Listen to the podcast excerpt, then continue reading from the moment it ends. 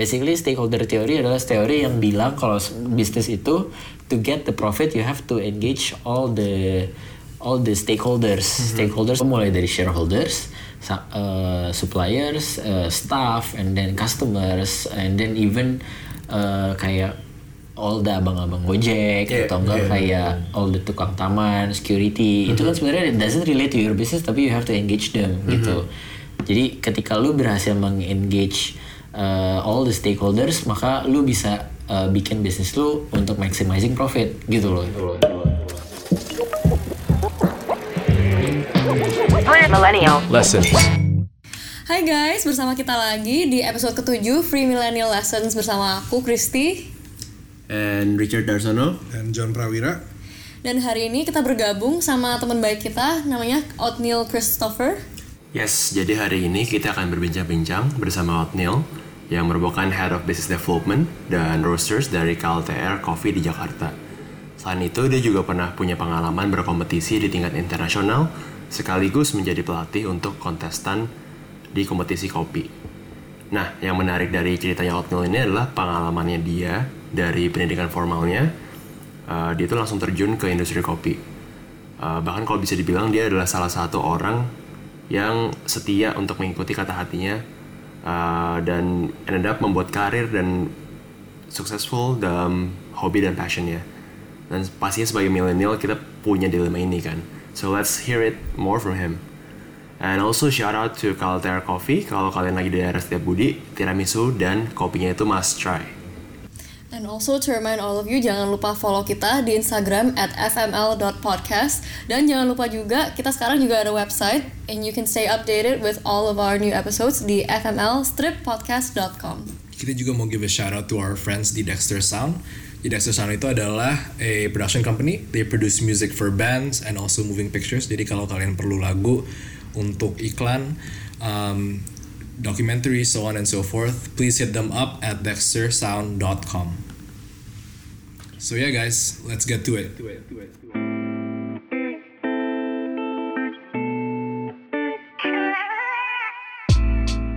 Gimana sih lu bisa end up di dunia kopi? Rata-rata teman gue yang belajar HI kan rata-rata aspirasinya kan menjadi Diplomat, diplomat, ya. jurnalis at the very least kan. sebenarnya awalnya tuh gara-gara ended up kebutuhan ini sih kebutuhan primer yang adalah lu pengen punya jajan tambahan sebenarnya jadi eh, awalnya part time tuh basically karena eh, lu pengen punya another income gitu. Maksudnya anak kuliahan back then tuh eh, apa lumayan salary dari part time tuh kayak per per shift you can earn like 75,000 itu kan lumayan ngebantu tuh lu kaliin berapa gitu. Nah sebenarnya gara-gara itu cuman at satu poin gitu kayak eh jadi begitu kerja di cafe and then lu kayak tahu eh, kalau kopi tuh bisa bisa kayak deep banget eh, bisa banyak banget dipelajarinya. Eh, jadi kayak oke boleh juga nih kayak ini lu bisa jadiin sebuah opsi buat karir. Sebenarnya awalnya mikirnya kopi doang tapi ternyata as you turn eh, udah masuk gitu oh ternyata bukan kopinya nih yang yang interesting. And then lu found kayak oh ternyata bisnis F&B itu yang yang menariknya gitu yang yang jadi daya tarik sebenarnya gitu sih awalnya gara-gara pengen punya has another hustle gitu side hustle gitu Tapi sebelum lu part time di Two Hands Full itu kan lu sempet uh, sekolah kopi juga Iya, kalau nggak salah ya. iya, iya, iya. Kita bareng kelas Benar, benar, benar. Iya, sekolah kopi tuh, oh itu tuh sekolah kopi karena eh, waktu itu ceritanya eh, salah satu tante gue tuh mau buka kafe kan, Mhm. terus and I thought kayak kenapa nggak sekolah kopi aja supaya lu kayak punya proper knowledge lah buat kopi, itu kan penting kan, soalnya kalau lu kayak lu melakukan sesuatu tapi lu nggak punya amunisinya nggak punya backgroundnya ya lu ended up bisa kayak lu diti- ditipu orang atau nggak lu di set up sama orang gitu kan.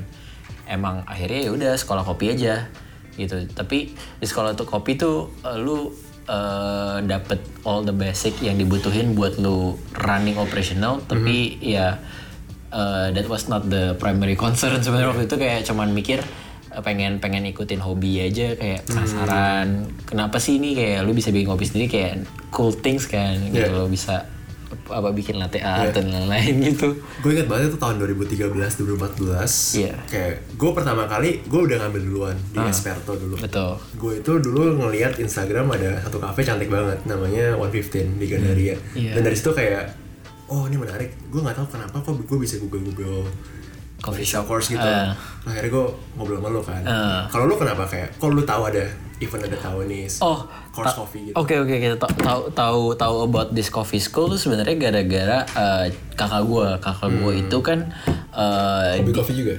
dia hobi minum kopi tapi dia tahu tempat ini tuh gara-gara she works in an agency kan. Dia kerja Oh, buat agency. Jadi kayak dia waktu itu nge-handle salah satu brand minuman kopi instan gitu terus abis itu kayak dia all do the research kan siapa aja nih orang-orang Hmm. yang yang bisa dijadiin ibaratnya uh, opinion uh, maker lah Right, gitu yeah. terus uh, kakak gue ini bilang kayak ini ada ada this person yang ended up sekarang jadi uh, guru gue waktu itu sekarang jadi temen deket juga dia bilang kayak ini dia punya small kios gitu di pasar Santa terus uh, kakak gue kayak lu mau nggak uh, uh, during our kayak brother sister time gitu hari Sabtu ya mau nggak? Eh, kita cobain yuk ke sana. Kita cobainnya main.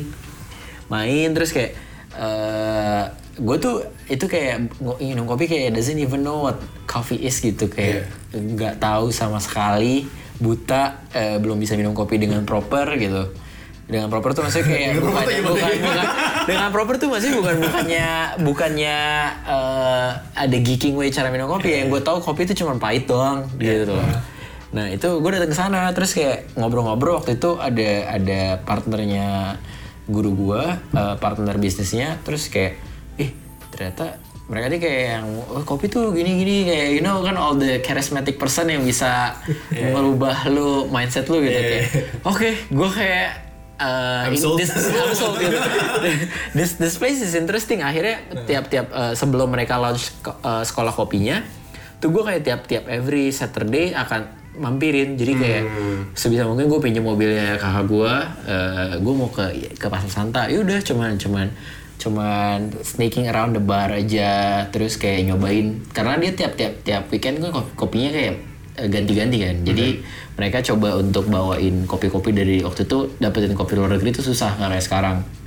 Diganti-ganti udah akhirnya tiap minggu tuh kayak penasaran selalu pas semangat semangat semangat sampai akhirnya one day dapet email kayak eh, dari eh, partnernya guru gue ini. Nah, jadi bilang kayak hey Otnil kita mau launching sekolah bisnisnya karena lu udah menunjukkan minat dari awal kita mau kita mau ngasih lu chance buat eh, daftar dari awal. Akhirnya gue langsung tanya Richard chat ya lagi ngobrol-ngobrol kan "Eh, ada sekolah kopi nih chat lu mau barengan gak gitu akhirnya barengan. Jadi apa jadi murid pertamanya ya, yang finally finish the course. Malah kalau dibilang Richard tuh kayak eh, ngambil kelasnya tuh kayak all the classes. Karena kalau gue skip karena schedule nggak masuk kan. Iya. jadi nggak complete course. Kalau Richard tuh complete course gitu. Ini lu 2013. dua I think itu bukan 2003 eh 2013 akhir iya Baru lulus SMA. ba nggak udah udah eh, udah tahun kedua kuliah Oh, oke oke. oke. Iya tahun-tahun pertama kuliah tapi kayak udah semester 2, semester 3 gitu. Hmm. Gitu. Jadi udah dari situ eh, ikut sekolah kopi, habis itu eh, dapat part time job. Part time juga sebenarnya dibantuin sama guru gue itu sih. Kayak dia bilang nih, nih lu- kamu kan udah udah udah ambil kelas daripada ilmunya nggak kepake, gimana kalau misalnya eh, kamu part time aja mau part time gak ditanya gitu. Nih kebetulan ada eh, saya punya teman, temannya itu ownernya tempat gue part time tuh handsful itu.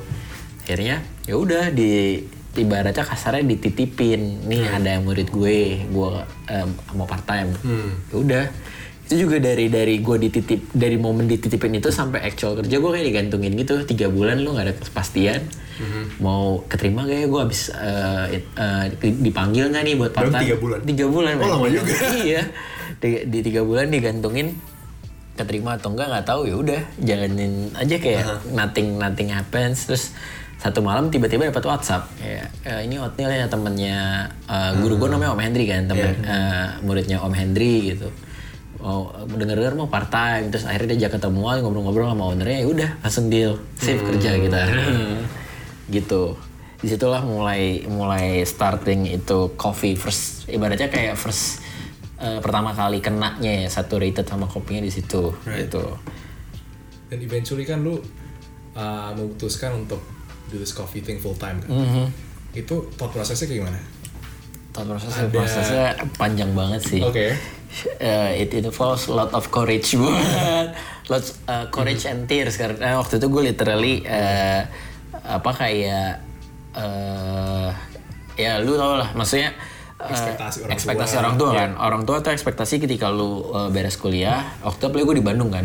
Be- beres kuliah Bandung lu balik ke Jakarta and then lu kerja corporate. Iya. Iya kan? And then waktu itu kayak mungkin orang tua gue shock juga kali ya. Kayak one day gue ajak mereka duduk uh, untuk duduk dengan proper kayak literally duduk gitu di kamar mereka. Gue duduk. iya enggak gue bilang kayak eh, aku gue ngomong kayak eh, gue aku nggak mau kerja di kantoran gitu. Aku mau kerja di toilet full full time. Terus bokap gue kayak gue gue gue bisa inget sih kayak bokap gue kayak cuma bisa diam terus eh, Ngeliatin dia- lo aja, ngeliatin lo iya ngeliatin gue tapi dia nggak marah. Tapi dia ngomong kayak ekspektasi dia dia pengennya tuh eh, supaya gimana gimana gimana gitu. Terus gue kayak tetap eh, tetap insisting. Bokap gue kayak bilang ya udah kalau kamu mau kamu lakuin aja. Tapi gue yang ngomong kayak gue nggak mau kok eh, making decisions kalau lu nggak ngasih blessings gue bilang karena gue percaya kalau nggak di blessings pun juga nggak akan jadi nih. You ca- you will not get anything. Karena kan gue percaya rest- restu orang tua tuh is Penting lah. penting banget kan sangat penting.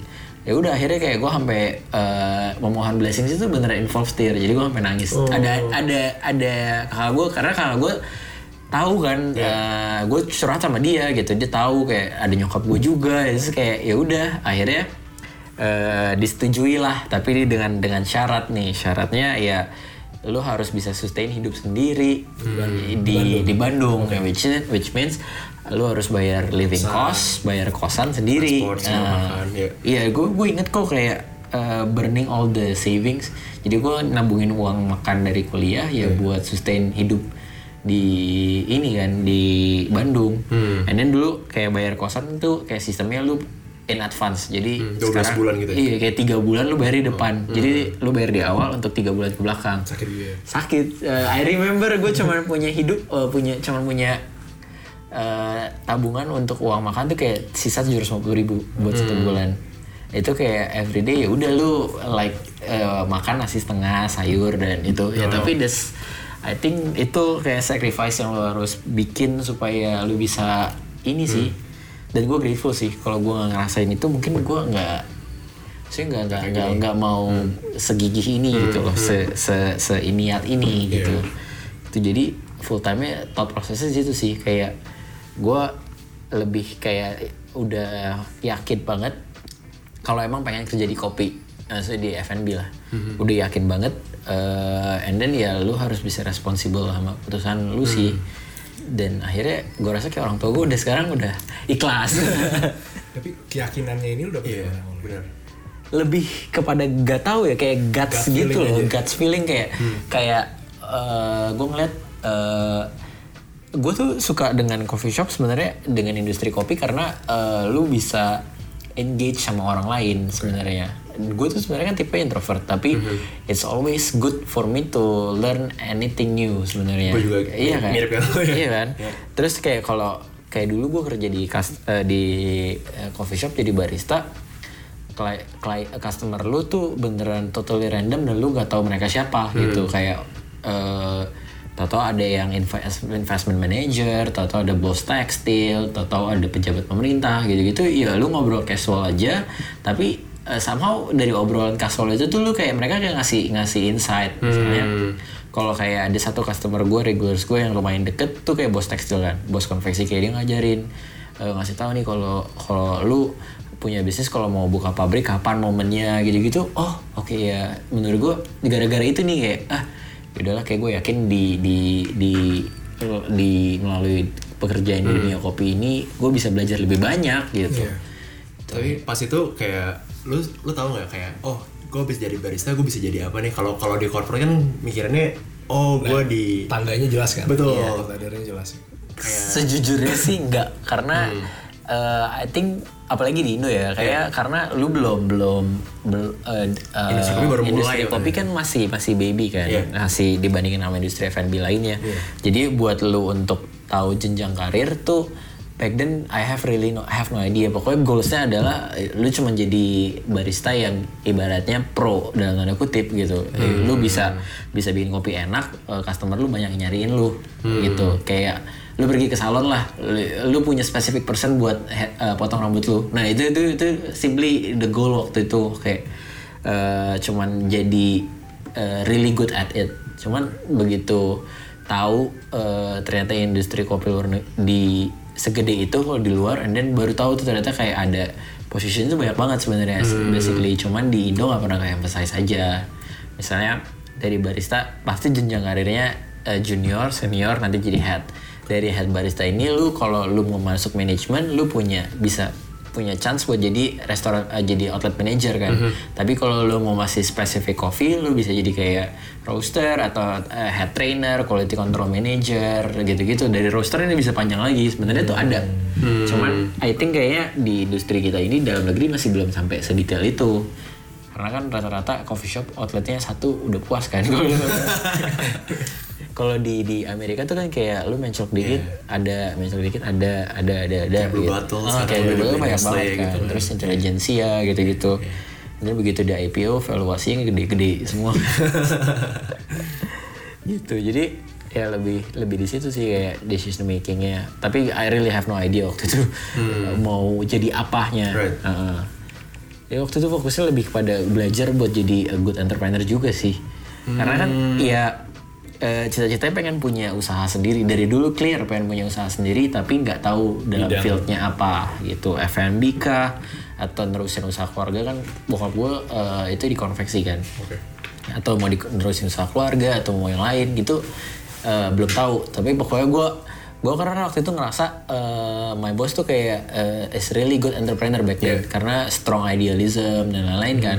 Oke oh gue ngerasa gue bisa belajar lebih banyak dari dia gitu karena kuncinya juga gue tuh orangnya selain demen eh, belajar sama orang lain attracted juga gue sama orang-orang yang punya idealisme tinggi sebenarnya kayak lu eh, ga- bukan gampang kesel sih. jadi gue kalau ngerasa kayak ih apa yang dia pengen achieve tuh menurut gue gue I want to be a part of it Yeah, gitu. yeah. Akhirnya udah akhirnya yaudah jadi decisionnya udah oke gue gua akan stay di di sini meskipun gue tahu di Jakarta mungkin lu bisa dapetin a better job better Yeah. living yaudah lu bikin bikin keputusan aja Dan idealisme itu sih sebagai orang yang baru lulus kuliah, Iya. sebagai orang muda penting banget sih Penting gue. banget, setuju. Setuju, setuju. Karena ka- kayak kalau lu nggak ada idealisme kayak apa ya kayak lu eh, monoton banget dan generally lu sama sama kayak semua orang gitu loh. Dan dan gue gue tuh selalu percaya kayak kalau ngeliat idealisme orang-orang yang berhasil mostly kalau lihat adalah orang-orang yang punya idealisme tinggi sebenarnya. Gitu. Jadi that's why gue karena karena dulu eh, ke expose nya sama orang yang strong idealism sampai sekarang gue coba mempertahankan ke situ gitu tapi bukan stupid idealism ya Iya. iya ya, lu harus idealisme lu harus tetap merhatiin kondisi realnya juga harus harus eh, keperhatiin gitu Fast forward, lu sekarang kan bekerja di KLTR iya sebagai head of business development dan roaster as well, right? iya Bedanya apa sih kerjaan lu sekarang sama kerjaan lu dulu? oke Dan mungkin ya key takeaways yang pelajarin aja sih. kalau dulu tuh eh, lu mau kita mau going to like Maybe to Hansful. Tuhan so ya so kan karena gue ada dua job right? Eh, pertama pertama mulai itu jadi barista. Eh, jadi barista clear eh, to make coffee to serve the customer giving a good customer service.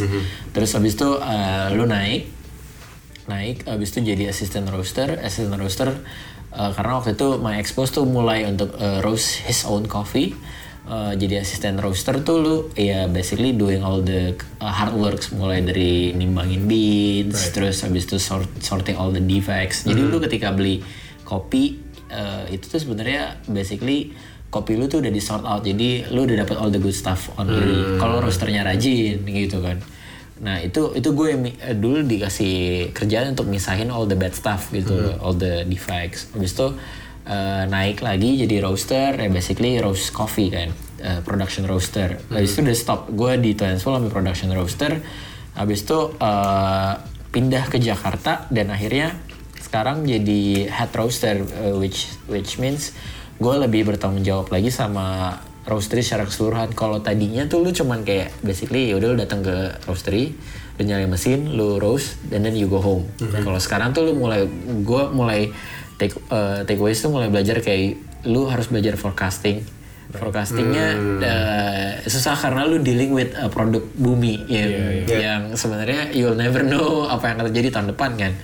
Terus abis itu uh, ya? iya kayak uh, production naik atau turun gitu. Itu lu kan nggak bisa forecast tahun depan kan? Kalau tahu-tahu uh, global warming happens uh, tahun depan nggak ada tahun, setahun depan nggak ada hujan dan lu nggak bisa panen. Nah itu kan itu lu forecasting skills tuh diuji tuh karena gap window-nya ada satu tahun. Terus habis itu uh, from tapi menurut gue kalau gue pribadi gue ngerasa kayak takeaways paling banyak tuh ketika lu join jadi business developmentnya itu sih. Oke. Oke. kayak uh, sekarang gue lagi lagi banyak bantuin dari marketing side yang which is uh, sebenarnya bukan gue nggak punya experience di field itu karena selama ini kayak proper properly education nggak ada tentang marketing karena gue cuman biasa doing kayak promotions via Instagram dan lain-lain tuh is like gut based gitu feelings based jadi gue gue lagi berpikir apa yaudah gue do it via Instagram. Terus uh, mulai sekarang tuh mulai kayak lu uh, gue harus belajar untuk kayak apa kayak mencari eh, kayak apa sih eh, misalnya nih kayak sales tuh turun and then Yeah. what happens? But in that month ada kejadian apa? Ada for, ada force major kah? Kayak demo atau apa? Itu harus pelajarin. Terus kayak eh, apa untuk cari tahu langsung kayak apa yang eh, customer lu pengen gitu tuh eh, itu kayak menurut gue is really something new. Karena kan tadinya Hmm, limited, proaktif ya jadinya, limited iya limited to only coffee. Sekarang lu gue harus balance out antara coffee sama apa lebih general lagi nih adalah cafe kan.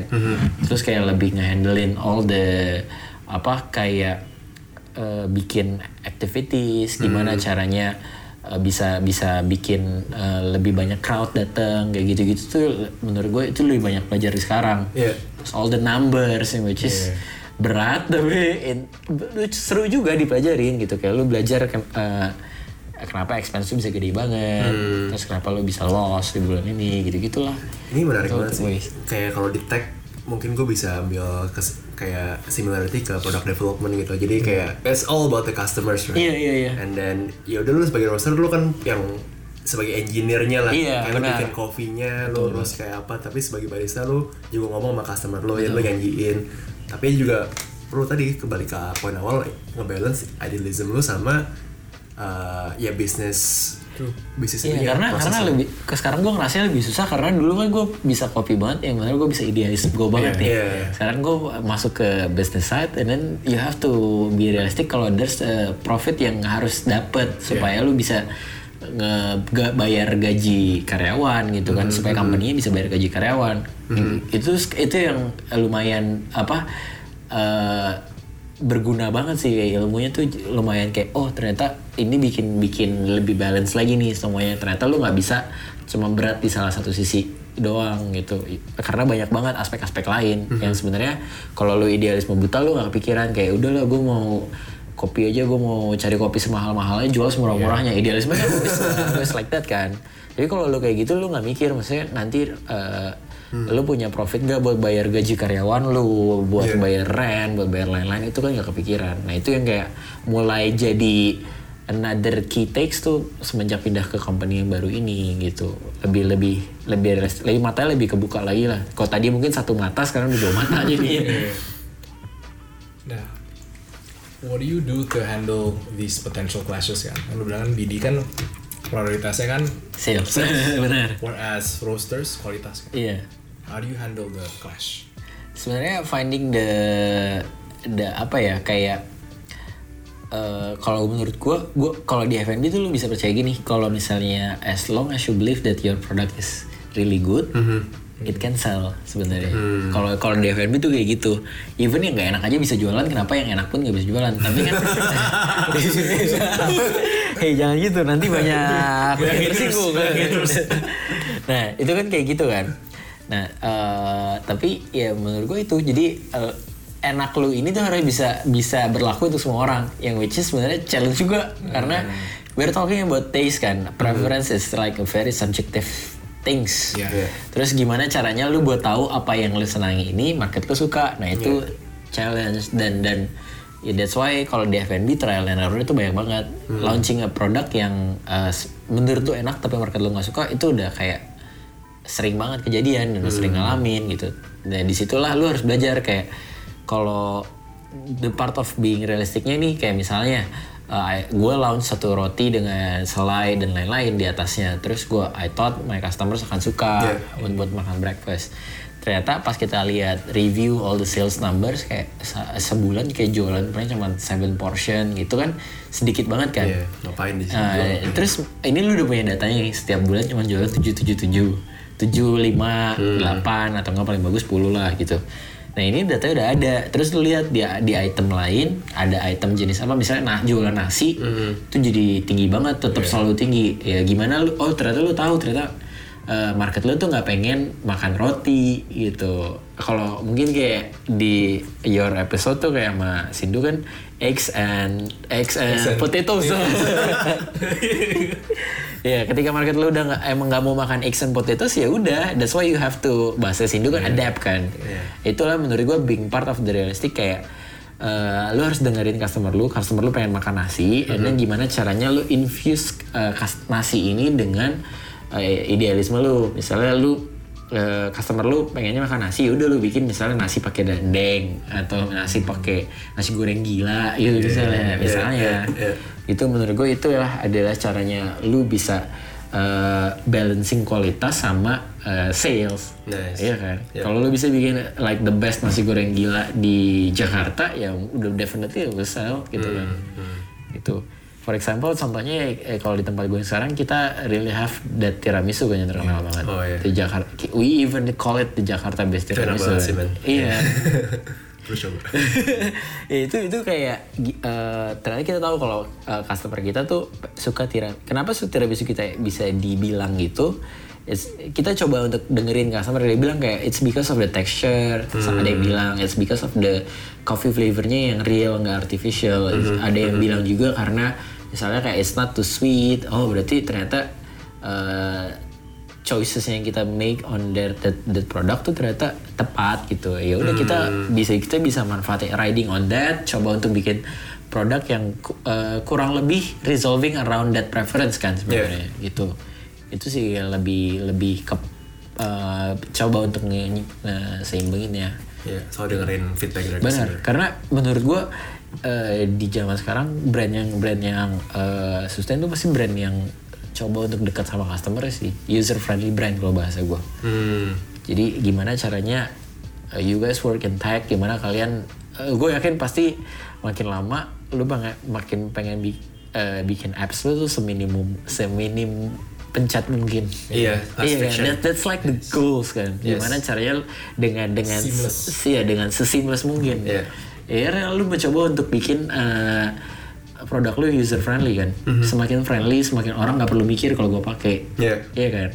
It that's that's like the the goals karena eh, lu mencoba untuk menjadi user friendly karena you're trying to accommodate your customers. Lu mencoba untuk mendekati customers lu kan. Users lu kalau di di fieldnya tech. Iya, iya. Kita juga coba kayak gitu gitu. That's why eh, begitu di tempat yang sekarang gue really push on punya eh, that apa online buat boleh sebut brand gak sih? Silakan. that that GoFood misalnya. Oh, karena iya, iya. karena eh, tempat gue yang sekarang kan eh, sekarang tuh kayak masih belum ada available di GoFood. Iya. And then and then gue nge-handle the social media and then all the feedbacks tuh banyak banget. Kayak Hmm, bisa GoFood ini gitu? bisa GoFood nggak bisa GoFood nggak? Iya, ya gue sih bisa cari escape plan ya go shop. Tapi kan it will be nice kalau misalnya kita available di GoFood kan. Maybe lu kantor di Blok M and then lu kangen dengan tiramisu kita you can always order through GoFood kan Hmm, gitu. Itu makanya gue kayak eh, harus jadi se user friendly mungkin. Hmm. as a brand humble dan harus user friendly Menarik. iya Kemarin kita juga sempat ngomongin tentang sustainability and you mentioned like a really cool theory, stakeholder theory. Boleh. Ini orang akan kaget gue ngomong gini kan. Iya iya iya. karena pikir Iya, karena, ya. karena pikir kan kopi kayak oh oatmeal bikin kopi and then uh, kopi segini gini gini gini gitu. Ya ka- eh, apa teori yang itu ya? Iya. Iya kan kemarin eh, eh, pas kita ketemu gitu ya. Eh, jadi gue pas lagi bikin tesis gue base teorinya adalah satu teori yang kita sebutnya stakeholder theory. ya gue lupa nama nama uh, penemu teori ini siapa cuman it's like uh, sekarang teorinya itu tuh jadi base banyak banget perusahaan uh, di era modern sekarang. Karena without this theory maka uh, sebenarnya bisa mempengaruhi ke uh, performance company kan. Jadi this theory itu called stakeholder theory uh, Basically stakeholder theory adalah teori yang bilang kalau bisnis itu to get the profit you have to engage all the all the stakeholders. Stakeholders tuh mulai dari eh, apa mulai dari shareholders, eh, suppliers, eh, staff, and then customers, and then even eh, kayak all the abang-abang Gojek atau enggak kayak all the tukang taman, security. Itu kan sebenarnya it doesn't relate to your business tapi you have to engage them gitu. Jadi ketika lu berhasil mengengage uh, all the stakeholders, maka lu bisa uh, bikin bisnis lu untuk maximizing profit gitu loh. Karena all the kan teori bisnis konvensional adalah bilang kalau sole purpose of business is to maximize profit, kayak gitu kan. Kalau uh, stakeholders itu maximize profit through impact to the stakeholders gitu. Jadinya kayak approach-nya tuh uh, ada ada tiga tiga uh, tiga pillars ya, people, planet, and profit. Jadi ya lu berdissolving di sini nih. Kalau dia, it's like the ada kayak triangle gitu. Jadi kalau misalnya lu cuman uh, profit doang tapi lu nggak mencoba untuk engage people your staff nggak pernah dikasih training nggak pernah dikasih compensation apa yang proper dan lain-lain ya udah basically mungkin bisnis lo akan berjalan satu atau dua tahun tiga tahun dan then habis itu crumbling down gitu. Gitu. That's why uh, gue kemarin bikin tesis pakai itu untuk uh, meneliti impactnya dari CSR ke uh, untuk uh, apa mengatasi kemiskinan True uh, waktu itu adalah uh, UKM sebenarnya. Karena waktu itu gue gue ngeliat kayak uh, CSR ini sebenarnya bisa dipakai loh kalau lo allocating dananya benar. Misalnya contohnya waktu itu gue ambil case-nya Indofood. Indofood tuh punya satu program through their brands uh, Bogasari itu kayak Tepung ya? Iya tepung tepung tepung Bogasari untuk kasih eh apa education funding buat pedagang martabak, pedagang mie, jadi eh, pedagang yang pakai bisa tepung lah. Jadi mereka eh, through through program itu mencoba nih kayak gimana caranya untuk adding value buat si para pedagang-pedagang ini, and then eh, berdasarkan kayak penelitian gue, gue ke lapangan literally kayak gue nanya tukang bakmi. Jadi abis impact, abis coba di eh, bantuin sama program ini gimana pak? Gue nanya kan. Iya dia bilang iya jadi kita sekarang udah ada GoPay. Kita eh kita kita available on GoFood dia ngomong gitu. Terus eh, i- eh, ini GoFood tapi dari bapak? Enggak. Ini dari Bogasari. Tapi cara merekanya ini gue suka eh, karena caranya si perusahaan ini bisa aja kan kayak ya udah nih gue kasih handphone tuh gue udah udah pokoknya lu udah gue setup taruh GoPay dan lain. Dia enggak. Kalau dia dia kalau dia mengajaknya jadi cara untuk ngajarinya adalah si bapak jualan bakmi ini di take ke another outlet yang lebih high- lebih ibaratnya lebih kelasnya naik di atas lah. Ini kan bakmi biasa lu diangkat ke restoran gitu. Alok atau apa gitu kan.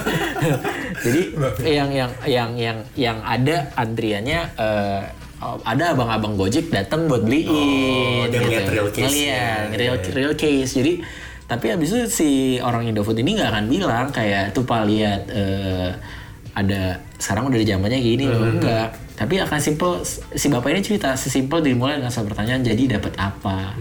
Dan ini dan ini the- this this word jadi dapat apa?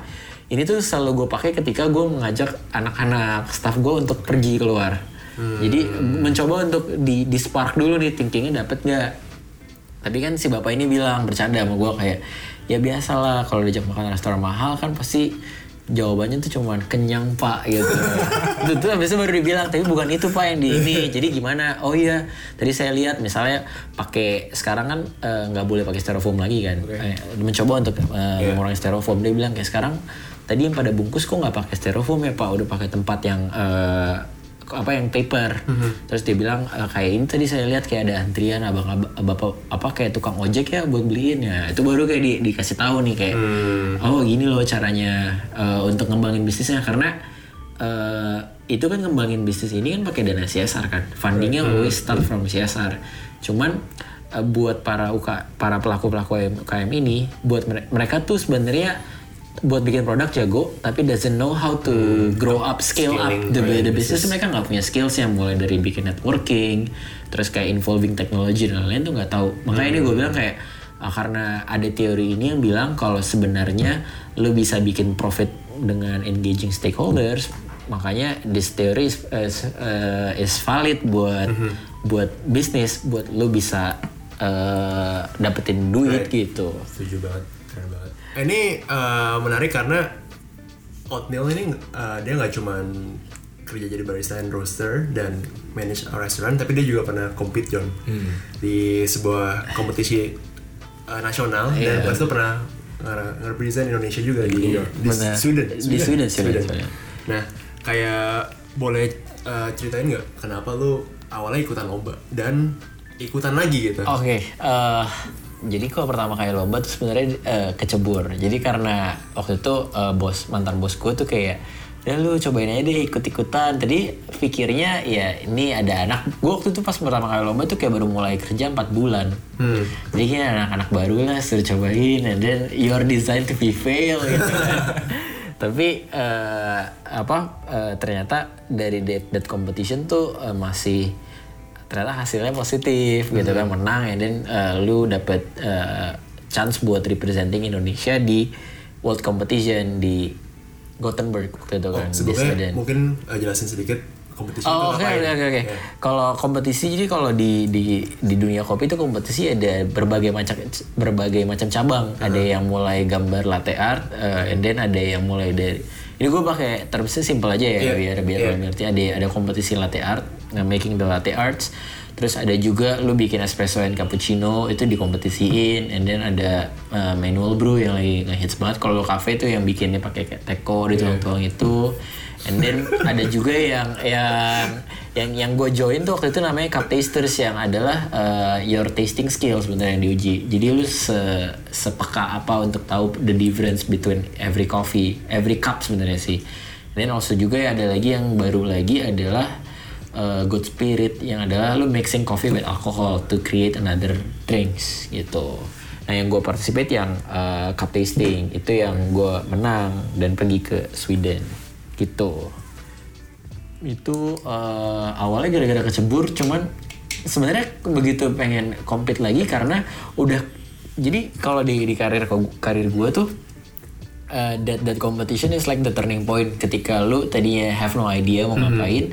That competition kayak gue ngerasa oke kayaknya uh, ada potensial untuk untuk lu uh, apa menjadi uh, striving di di industri ini kan. Akhirnya uh, ik- mulai dari situlah karena lu dapet chance untuk waktu gua waktu itu dapet chance untuk pergi ke Kopen eh, ke Sweden kan, and then lu sempet gue sempet mampir beberapa kota juga sebelum ke Sweden, lu ngeliat kayak there's a bigger eh, Industry gitu ya. industry di luar sana yang udah mature, terus culture-nya udah kebentuk dan lain-lain.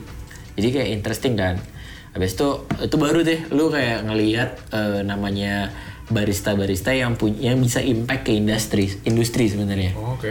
Oke, jadi habis itu gara-gara itu since then begitu menang next year gue langsung kayak begitu balik oke gue mau compete lagi. Beneran dari diri sendiri nih. Karena gue mencoba untuk memberikan impact ke eh, industri kopi sebenarnya. Waktu itu kan simple kan? Itu ah, jadi ada satu barista gitu lumayan terkenal tapi sekarang udah nggak gitu terkenal. Namanya siapa? namanya Matt Berger. Jadi dia dia Oh, oke. dia dia berhasil mem- mempopulerkan satu grinder yang sekarang tuh jadi kayak emas harus punyanya Hmm, di cafe gitu. Karena because of the feature kan. Uh, the feature of the grinder yang bisa ngasilin kopi lebih enak. Terus with all his science uh, details dan lain-lain, gue kayak oke, gue harus kayak dia. Hmm. Karena at least dari Indonesia dulu, gue pengen coba uh, through my routines. Jadi kalau compete tuh uh, kayak lu punya satu rutinitas yang uh, cara lu surfing dan lain-lain itu disebutnya routines. Lu kayak atlet lah latihan. Iya kayak atlet. Atlet kan kalau lari ada muter itu kan rutinsnya dia kan. Nah kalau kopi juga ada. Bikin kopinya tuh adalah rutinsnya. Kita nyebutnya rutins. Through my routines, gue at least harus memberikan satu sumbang sih ke industri kopi. Si- eh, Since that every year tiap kali compete gue selalu selalu mencoba untuk at least gue punya contribution nih ke ke industri kopi dan untungnya sampai sekarang gue masih cuman kayak last year begitu gue kayak ngerasa capek competing dan gue lagi nggak banyak eh, mencoba untuk eh, ngulik ibaratnya Hmm. mm research gitu ya udah gue libur dulu dari kompetisi Hmm. itu sebenarnya alasannya karena itu sih karena kenapa pengen lagi karena pengen memberikan kontribusi tadi ke industri kopi Hmm. at least lebih naik lah gitu Dengan lo ikut kompetisi pertama, uh, lo lebih terbuka sama apa sih yang bisa dicapai sama industri kopi Indonesia gitu. Betul. Makanya lo pengen ngasih lagi lebih. Iya, setidaknya untuk gitu ya. Iya, setidaknya untuk improving the the local apa coffee scene waktu itu kan. Karena dulu namanya internet istilah eh, nggak secepat sekarang. Lu mau nonton YouTube tuh buffer udah definitely kan. Eh, jadi jadi udah gua- lu dapet chance untuk pergi lihat real life langsung eh, lu lu bisa kenalan sama barista dari mana dari mana dari mana lu making friends. Terus akhirnya ya udah eh, dari situ kayak eh, oke gue harus bisa d- apply yang gue dapet di sini setidaknya menularkan ini ke yang di Indonesia gitu. Karena kan Indonesia waktu itu masih kayak tahun keberapanya gitu masih very small community kan waktu itu. gitu sih jadi karena karena pengen itunya. Kayak sekarang hampir tiap tahun mencoba mencoba mencoba kalau belum nemu udah lebih baik jangan kompetisi dulu deh. Jadi setiap tetap tetap ke idealism gue untuk mencoba untuk ngasih impact Iya. sebenarnya. Menarik. Heeh. dan tapi itu susah banget. Karena eh, kayak kalau lu mau menang di satu kompetisi lu bisa pakai strategi yang gampang supaya bikin lu menang. Tapi karena gue punya ada kayak iya idealisme gue itu sebenarnya yang menghambat gue untuk menang. Orang-orang tuh bilang sama gue kayak lu tuh terlalu banyak mikir jadinya eh, ini yang slowing you down. Tapi gue nggak mau gue pribadi nggak mau kayak Gue setuju. gue nggak gue nggak setuju kalau misalnya kayak gue pergi compete and then gue nggak punya something yang untuk di present. Right. Oh, Nah, jadi gue tetap gue harus punya something to be to be presented to the uh, community gitu. Untungnya sampai sekarang sih apa yang udah gue lakuin ada impactnya sih sedikit gitu. Gue untung gue kayak oke setidaknya ada yang notice lah gitu. Boleh kasih contoh nggak salah satu yang impact yang paling lo uh, berkesan? kayak buat gue paling terakhir tuh eh jadi ini akan geek banget sih. Jadi kayak gue gue pas lagi compete terakhir tuh bisa kayak pakai satu em, method gitu eh, disebut it's it is not something new buat eh, dunia kopi karena di eh, world stage udah pernah ada yang pernah pakai. Tapi nggak ada yang pernah pakai method ini di eh, cabang yang manual brew yang gue yang gue yang compete terakhir beberapa tahun terakhir ini kan. Jadi namanya tuh nitro flash extraction. Oh ya namanya udah keren banget kan oh, ini need for speed. jadi nah eh, man. iya jadi kelihatannya kan kayak sounds like a cool Nitro thing flash ex- extraction. iya nitro flash. Oke, Iya, jadi diekstrak iya. pakai flash nitro. Iya, eh, jadi jadi kayak Gimana it- caranya? eh, itu kayak lo involving like uh, science sih basically. Gue gue sebenarnya IPS tapi karena karena somehow di dunia F&B ada sedikit kayak eh, sedikit eh, ilmu-ilmu kimia lu yang bisa kepake Ah. gitu. Jadi ini kan ada nitrogen, dan lain-lain, ada karbon dioksida dan lain-lain lah. Oh, I don't want go to go details karena akan jadi panjang banget. Iya, iya, iya. Nah terus gue pakai itu di di kompetisi terakhir gue itu was like 2017. Mhm. Terus habis itu 2018 ada yang pakai juga metode yang sama. 2019 ada yang pakai terus gue kayak oke setidaknya you're following my eh, Iya setidaknya gue udah estafetin deh kalau ini tinggal lu mau pakai doang atau lu mau evolve Hmm. gitu. Setidaknya gue senengnya karena ada yang notice sih sebenarnya. Setidaknya ada orang yang percaya apa yang gue percayai gitu. Gitu sebenarnya karena itu. Thank you banget Neil for your time. Iya, have any you. uh, advice kayak atau message ke mungkin teman-teman di industri kopi atau orang yang baru mau masuk ke industri ini? gue sih cuma bisa bilang menco- cobain sih you have uh, apalagi kalau ini gue inspire banget salah satu orang di Instagram dia ngomong kayak uh, generasi millennials tuh you have all the time in the world you have to try. This is Gary Vaynerchuk. dia bilang kayak- dia bilang kayak lu lu tuh masih so young and then you have like so many time in the world untuk cobain. everything, iya ya. you have to taste everything. Terus emang dan itu juga benar juga karena guru gua sama Richard tuh kayak ngomong you have to try everything including the bad things. Gitu. Karena eh, kalau ketika lu nggak nyoba you don't know uh, how bad is the taste kan? Right. Iya gitu makanya ini Gary Vee kayak oke ternyata kita semua are following the same person Iya, dude. Kalau bisa apa namanya? Travel back in time, ngobrol lagi dengan young Oatmeal, will you tell him the same thing? Iya sih. Gue gue pasti akan bilang ya just follow follow your guts gitu karena kayak all the decisions yang gue bikin sekarang tuh kalau lo denger mungkin sedikit aneh karena it's all gut based kan. Tapi eh, di ternyata gue back then tuh nggak mikir merasa itu gut tapi sebenarnya ada pemikiran yang udah mikir detailsnya. Cuman gue nggak bisa translate itu jadi satu kayak oh gue mau ambil decision sini karena ini. Cuman lebih kayak feeling gue bilang ini gitu. Kayak nggak nggak Iya. Gue gue cuman cuman mau kalau ketemu diri gue yang lama gue cuma uh, wish lu bisa critical thinking lebih awal lagi sih. Ev- karena kan kayak mulai gue mulai kayak belajar critical thinking kan when masuk kuliah gitu kan. SMA kan kayak lu nggak mencoba untuk Iya. kritis kan. Iya. gitu. Kalau I wish lu bisa start lebih awal. Cool, thank you so much for sharing. Um, kita ada lightning round. Jadi Oke. Ini tradisinya FML. Oke. So, lima pertanyaan. alright Lo jawab cepet aja. oke oke Take it away, man. Favorite coffee shop di Jakarta?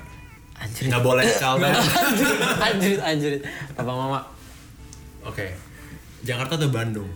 Jakarta Hidup tanpa HP atau hidup tanpa kopi? Hidup tanpa hidup tanpa kopi kopi kopi kopi Yakin? susah men Oke. hidup tanpa kopi serius serius Uh, dream destination city yang Copenhagen. kedua. Copenhagen. Kalau lo harus duet sama seseorang selebriti, itu siapa orangnya? Eh, mungkin John Mayer sih Oh, oke. iya soalnya dari SMA gue udah dengerin dia Lo was- patah hati ya? iya fuck that's real Alright, thank you bro. iya thank you thank you